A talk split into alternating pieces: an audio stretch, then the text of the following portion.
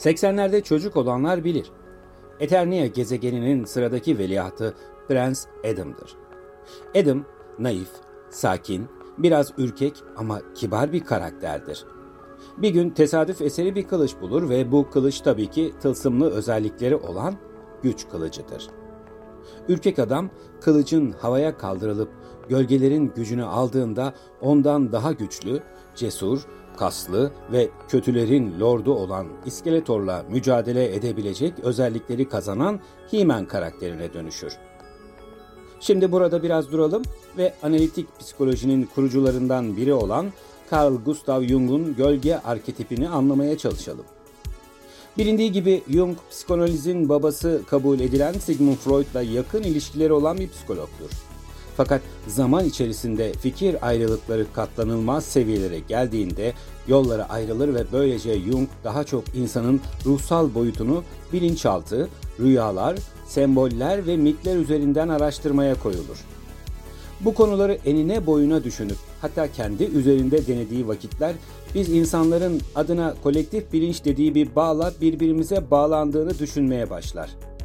Bir yandan merakla henüz yeni anlamaya başladığı bu konuları genişletmeye çalışırken bir yandan da psikoloji bilimine yeni bazı kavramlar sokmayı başarır.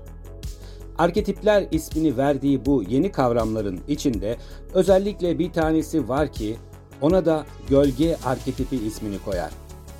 Kısaca gölge arketipi biz insanların bilinçaltında kalan bastırmaya çalıştığımız veya yine kişiliğimizin bir parçası olduğunu inkar ettiğimiz duygular, düşünceler veya davranışların hepsini ifade eder.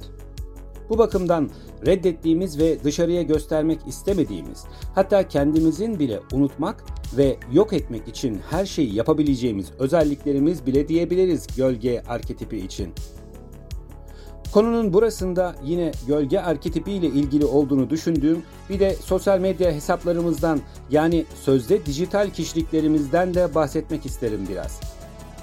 Ceplerimizde taşıdığımız kimliklerin sahibinden çok daha farklı ilgileri olan bu kişiler kimi zaman gerçek hayatta kamufle edebildikleri bu gölge kişiliklerini dijital platformlarda aniden ve dayanamayarak aleni bir şekilde açık edebilirler.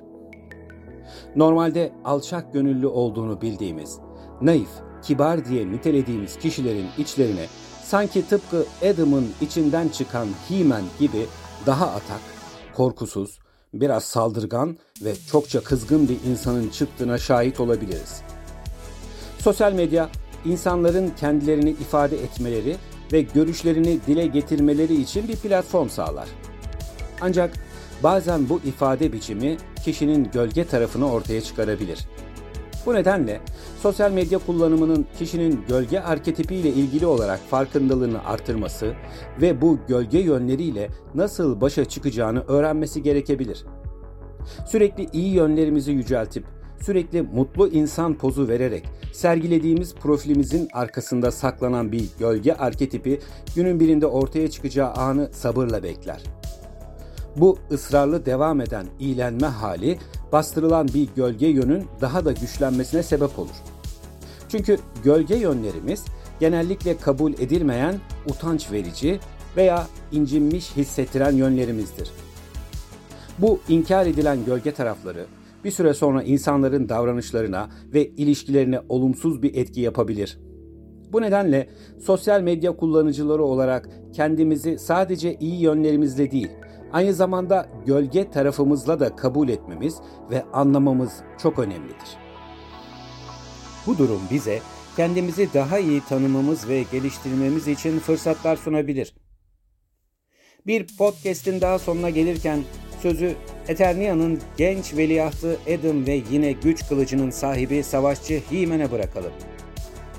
Ben bir aptal değilim İskeletor. Kendi güçlü ve zayıf yönlerimi biliyorum. Ve beni ben yapan gölgelerin gücü değil, iyi bir kalbin gücüdür. Sağlıcakla kalın.